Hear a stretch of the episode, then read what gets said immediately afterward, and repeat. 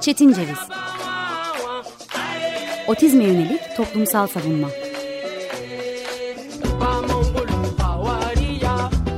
Hazırlayan ve sunan Deniz Yazgan Merhaba, 95.0 Açık Radyo dinliyorsunuz. Ben Deniz Yazgan Şenay. Bugün 14 Haziran 2023 Çarşamba. Günün ve güncelin otistikler ve nöroçeşitliler için neler getirdiğini toplumsal savunma ilkeleriyle konuştuğumuz Çetin Ceviz dinliyorsunuz. Bu iki hafta içerisinde otistikler için güncelde, dünyada, Türkiye'de neler oldu diye baktığımda yine birçok şeyin konuşulabilir olduğunu fark ettim. Bunlardan bir tanesi daha magazineldi, diğer ikisi ise akademik ve yarı akademik çalışmaları barındırıyordu. Sıralamak gerekirse birincisi şarkıcı, sanatçı, müzisyen Sia'nın otistik olduğunu açıklamasıydı. Bir diğeri ise Özgür Eller Otizm İnisiyatifi'nin benim de bir parçası bulunduğum bir rehber yayınlamış olmasıydı. Üç temel bölümden oluşan ve bu bölümler içerisinde destek temelli yaklaşım, psikiyatri bakış açısı ve sosyal haklar kısımlarının bulunduğu e, ve değerli çalışma arkadaşlarımla beraberce daha doğrusu benim bir kısmında görev aldığım bir rehberin ebeveynler için otizm rehberi adını taşıdığını e, değerli kulak misafirlerimizle, dinleyicilerimizle paylaşmak isterim. Ancak tabii ki e, künyesinde çok çok sevdiğim insanların bulunduğu, yayını hazırlayan Ece Bora'nın, editör Hazan Özturan'ın, tasarımı Didenur Boyacı'nın üstlendiği ve içerik yönetiminden de İlhan Yalçın'ın ve Ahmet Yılmaz Yılmaz'ın sorumlu olduğu bu rehberden tek başıma bahsetmek bence haksızlık olur. Belki iki hafta sonraki programda değerli çalışma arkadaşlarımızla birlikte e, değerlendiririz bu güzel rehberi. Bir diğeri ise Tohum Otizm Vakfı'nın gelişim raporlarının beşincisini yayınlamış olmasıydı. Belki bugün e, diğer e, tarafları da bulunmadığı için bu iki önemli haberin biraz daha magazinel boyuttan söz edebiliriz. Tabii ki bunun magazinel olması veya benim bunu belki de biraz haksızca magazinel demem içeriğindeki önemi kaybettirmiyor bize. Çünkü dünya çapında ünlü bir sanatçının otistik olduğunu açıklaması ve bundan önceki planlarda, geri planlarda nelerin ol, e, olduğu bence otizm komünitesini ve otizm komünitesiyle ilgilen kulak misafirlerimizi, dinleyicilerimizi ilgilendiriyor.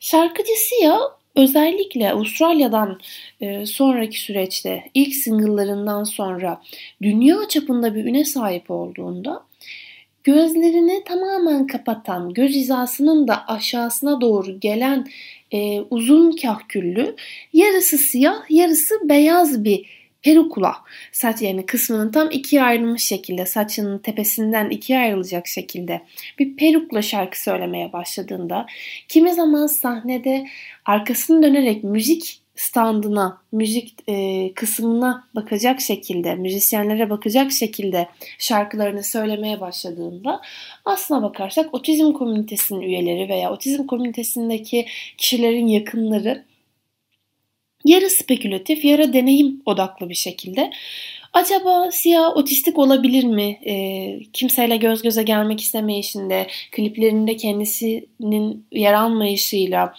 neredeyse çok az, e, hiç denecek kadar az kamera içerecek röportaj vermesiyle acaba otistik olabilir mi sorularını gündeme getirmişti.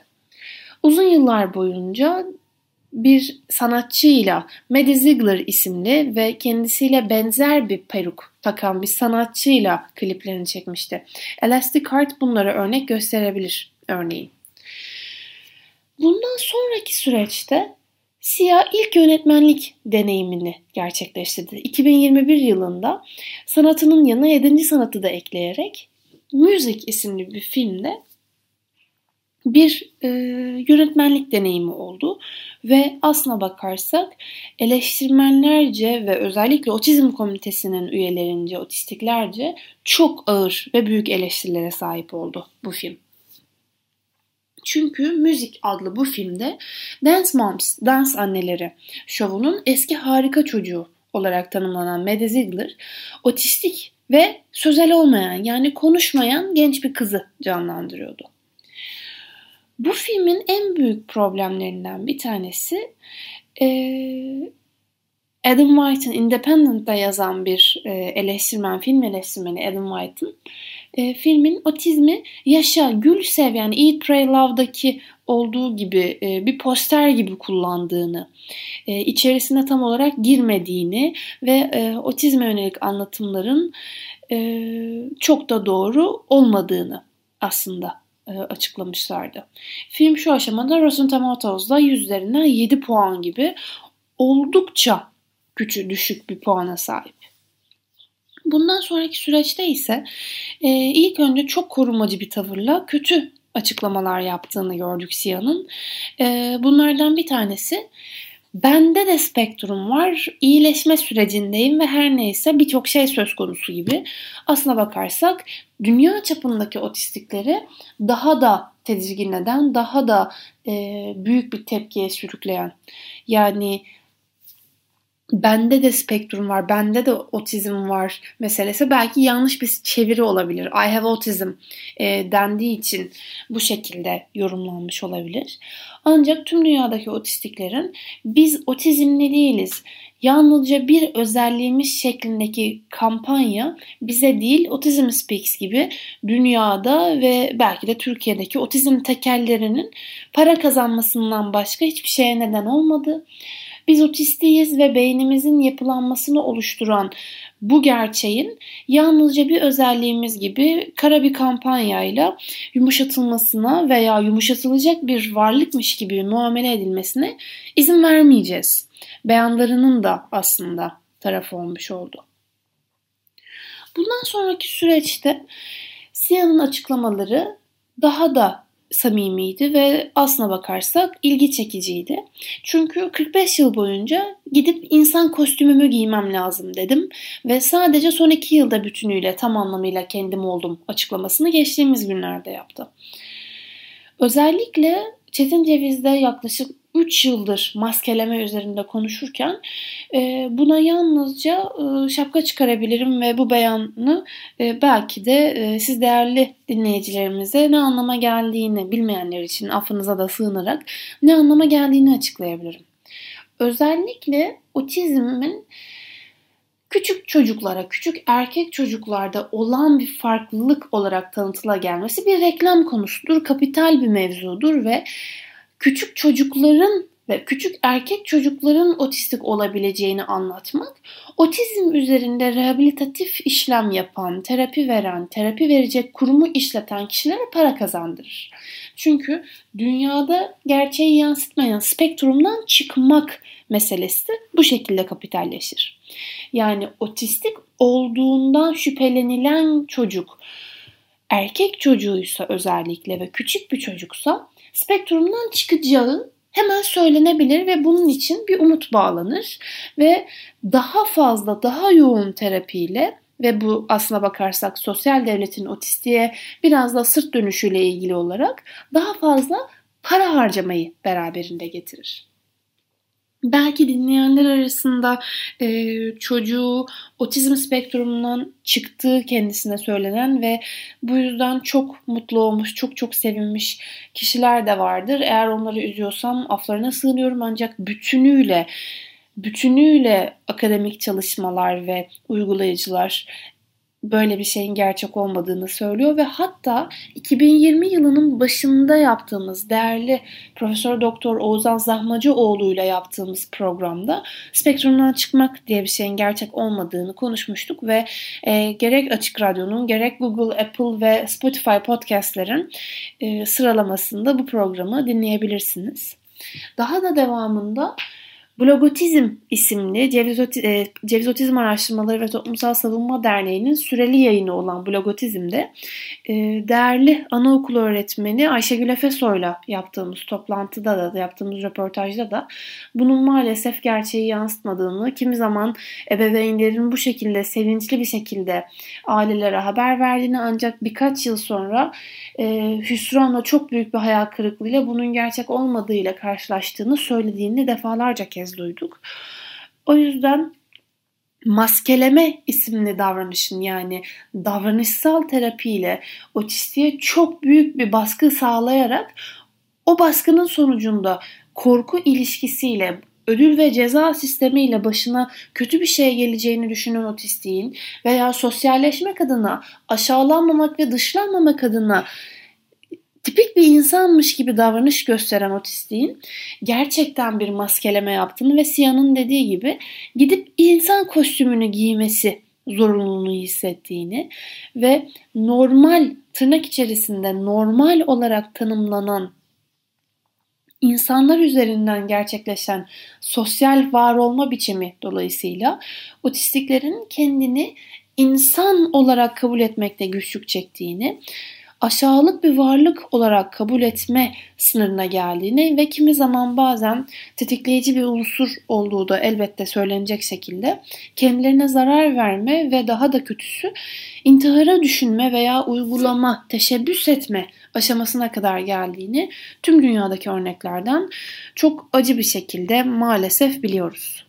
Belki de hemen bu bağlamda yeri de gelmişken önemli bir çalışmadan söz edebiliriz. 988lifeline.org yani 988lifeline.org sitesinde çok değerli bir paylaşım var. Bu paylaşıma Liza Morgan, e, Brenna Maddox, Sarah Cassidy, Teal Benavides ve e, Mary Deneuve ve a, çok özür dilerim Mirabel Pelton hazırlamış. Burada önemli olan unsurlardan bir tanesi Lisa Morgan'ın bir özne olması iki açıdan da özne olması yani otistik olması ve e, bir yakınını e, intihar dolayısıyla kaybetmiş olması. 19 sayfalık e, bir broşürden söz ediyoruz aslına bakarsak. Otistik kişilerin intihara yönelimine ilişkin olarak yapılmış ve e, önemli unsurları belirleyen yani bir e, otistik bir kişinin özellikle intihara meyilli olup olmadığını nasıl anlayabileceğimizi anlatan çok değerli bir çalışma. Ee, ve biz de bu bağlamda ceviz otizm olarak aslında Helpline'a e, pardon Lifeline'a 998 e, Lifeline'a ulaşarak e, bu çalışmayı Türkçe'ye çevirmeyi çok çok istiyoruz aslına bakarsak. Önemli olanlardan 10 e, tanesini sıralamış bu bağlamda e, bu değerli çalışma ve birinci sırada en önemli unsur olarak ani veya e, yükselmiş bir şekilde kendini geri çekme. Sözel olarak özellikle akut stresi belirtmek adına sözel olarak veya bunu aktaracak hiçbir iletişimde bulunmama. Güncel bir travmatik olay e, kişi tarafından belirtilmiş olsa da diğerleri tarafından belirtilmiş olsa da güncel travmatik olay. Kendisine zarar vermede özellikli olarak oransal biçimde akut bir yükselme, depresyonda ve kaygı boyutunda çok büyük derecede yükseliş, intihardan söz etme, intiharı idealize eden düşünceleri belirtme veya e, özel bir konu, dikkati çeken özel bir konu olarak ölümle ilintili konuları sürekli açma. E, daha demin söylediğim gibi artık bu e, intihar düşüncelerinin e, ve bildirimlerinin çok yüksek bir şekilde ve ikna edici bir şekilde açılması yani intiharın e, bir seçenek olarak anlatılması. E, buna ilişkin olarak çalışmalara başlamak, birinci aşamayı tamamlamak istemek, umutsuzluk ve yaşamak için bir nedenin olmadığına ilişkin belirtilerde bulunmak. Bu çalışmanın en önemli kısmı senaryolarla yani yalnızca akademik boyutunu anlatarak değil, otistik bir kişinin ve otistik bir kişi tarafından hazırlanmış bir çalışma olması bence çok ama çok değerli. Otistik bir kişinin bu şekilde nasıl e, kendini beyan edebileceğini senaryolarla anlatıyor olması ve bu senaryolardan sonra da e, nelerin yapılabileceğini açıklıyor olması. Dediğim gibi 988lifeline.org'da yani 988lifeline.org'da e, bu çalışmayı bulabilirsiniz. Türkiye'de de e, otistiklerin neyi nasıl yaptığını otistik olmayanların açıkladığı raporlardansa otistiklerin kendilerine nasıl zarar verdiklerini ve bunu nasıl önleyeceğini otistiklerce açıklayan insanların bulunması çok ama çok daha önemli diye düşünüyorum. Bu bağlamda Sia'nın e, insan kostümümü giymem gerekiyordu e, sözü birçok anlama geliyor ve bu şekilde desteklenmediğinde e, otistikler yani varoluşlarından utanmaya sürüklendiklerinde kendilerine ve sevdiklerine çok ağır travmalar yaşatabilecek boyuta da getirilebiliyorlar. Önemli bir unsur da müzik filminin, eğer geri dönmemiz gerekirse, e, Sia, e, Sia'nın müzik filminin e, nöroçeşitli otistik bir kişiyi canlandırmak için nörotipik olan Maddie Ziegler'ı seçmesi üzerindendi. Ve tüm dünyada bu nedenle de aslına bakarsak e, eleştirildi. Taklit yoluyla ki birçok e, mucize doktordan tutun da e, The Good Doctor'a kadar oynayan kişinin otistik olmayışı ve otizme bir taklide vardıracak vaziyette olması tüm dünyada farklı kişiler tarafından eleştirilmişti gerçekten. E, otistik karakterin e, gerçek hayattaki yaşadıklarını ve e, özellikle başına çok büyük şeyler gelebilecek aşamalarda anlatımı bakımından çok büyük bir e, eleştiriye diyelim yer almıştı. Özellikle bir tartışma ortamında bir emeğe yönelik olarak, kişinin öz emeğine yönelik olarak yapılan bütün tartışmalarda da gördüğümüz üzere e, aslına bakarsak yırtıcı bir e, koruma döneminden sonra genellikle özür dileme veya e, eleştiriye gerçekten kulak verme başlar ve Sia da bunu yaşadı. Ee, ilk önce bu karakteri başkası oynasa da karakter tamamen e, nöroçeşitli arkadaşıma dayanıyor ve e, bu yüzden ben onu sevgim nedeniyle bu filmi çektim gibi be, bir beyanda bulunduğunu görüyoruz. Devamında e, uzun bir süre boyunca eleştirildikten sonra e, filmin o yılın e, Golden Globe'larında altın küresinde aday gösterilmesiyle beraber e, Sia özür dilemiş e, ve eleştirileri dinlediğini söyleyerek müzik hiçbir şekilde otistik bireyler üzerinde kısıtlama kullanılmasına göz yummaz veya bunu tavsiye etmez e, şeklinde bir beyanda bulunduğunu görüyoruz.